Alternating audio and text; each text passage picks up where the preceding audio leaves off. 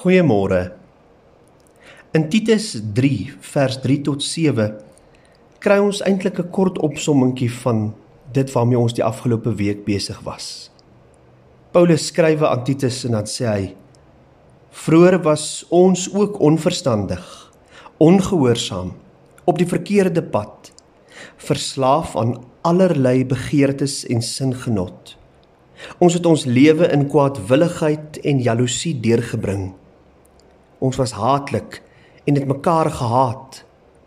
Maar toe toe het die goedheid van God ons verlosser en sy liefde vir die mens verskyn. Hy het ons verlos nie op grond van iets wat ons vir ons vryspraak gedoen het nie, maar op grond van sy eie ontferming. Dit het hy gedoen deur die wedergeboorte wat die sonde afwas en deur die Heilige Gees wat nuwe lewe gee.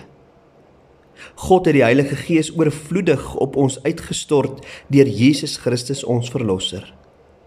So is ons dan deur die genade vrygespreek en het ons hoor mooi erfgename geword van die ewige lewe wat ons verwag. Dis 'n baie baie mooi gedeelte wat eintlik opsom waarmee ons die afgelope week besig is. Luister ook na Jesus se woorde in Johannes 10 vers 10. Ek het gekom sodat hulle die lewe kan hê en dit in oorvloed. God, my liewe vriende, het 'n droom vir hierdie wêreld. En jy is genooi om deel daarvan te wees. Dit is 'n onweerstaanbare droom wat God nog van altyd af gehad het. Dit is 'n droom vir jou lewe, vir jou gemeenskap, uiteindelik vir die hele wêreld. God se droom is dat jy elke sekonde van jou lewe met toewyding aan hom sal lewe. Met die wete dat hy jou met onbegrensde liefde passievol liefhet. Sy droom is dat jy die risiko ook sal neem om ander mense lief te hê omdat jy weet dat God alles gegee het uit sy liefde vir jou. Daarom is die laaste ontwaking in jou terugtog na God, die ontwaking van die lewe.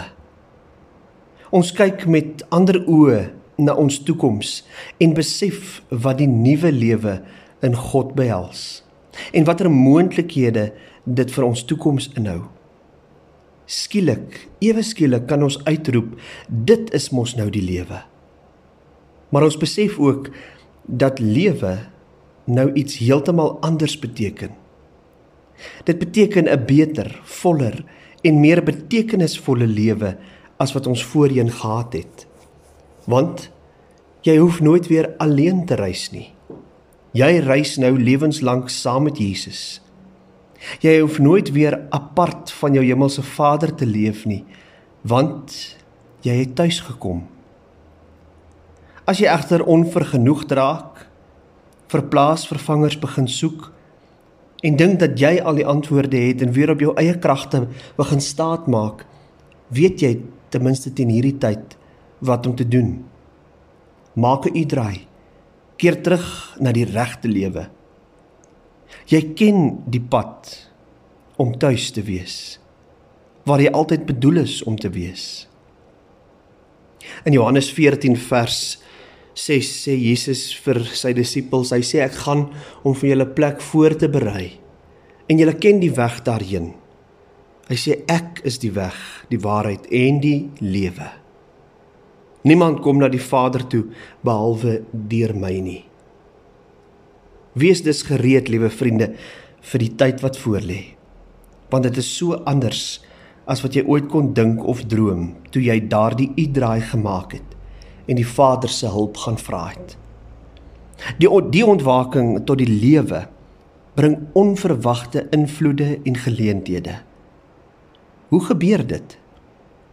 Jy sien Christus leef nou in jou en dit verander alles.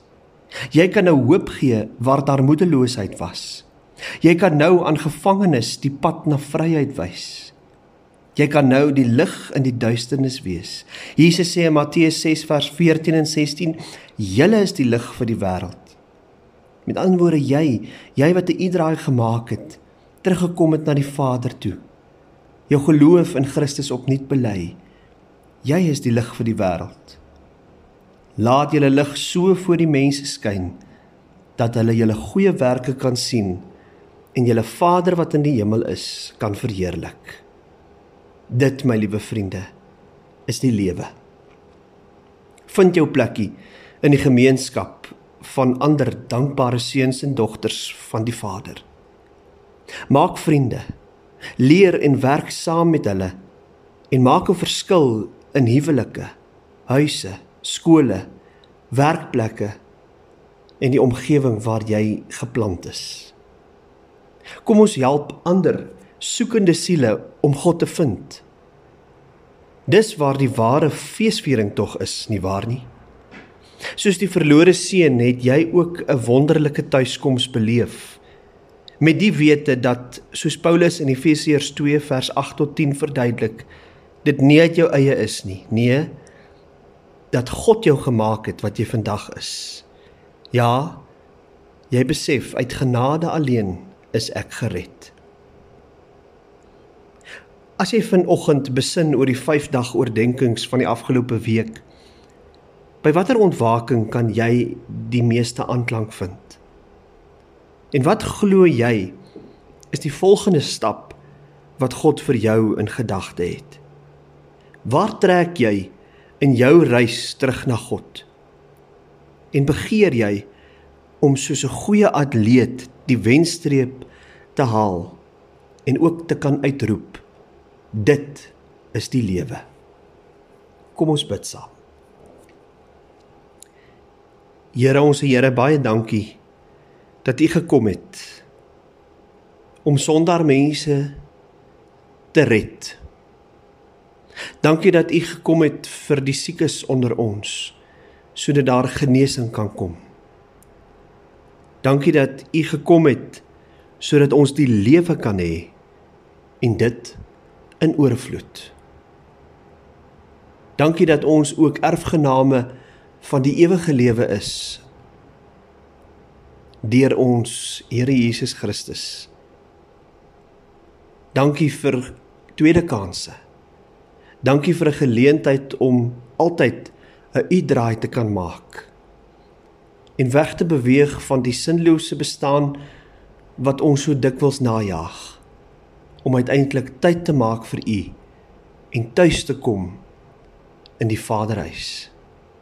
Help ons om altyd vas te hou aan die weg, die waarheid en die lewe, ons Here Jesus Christus. Amen.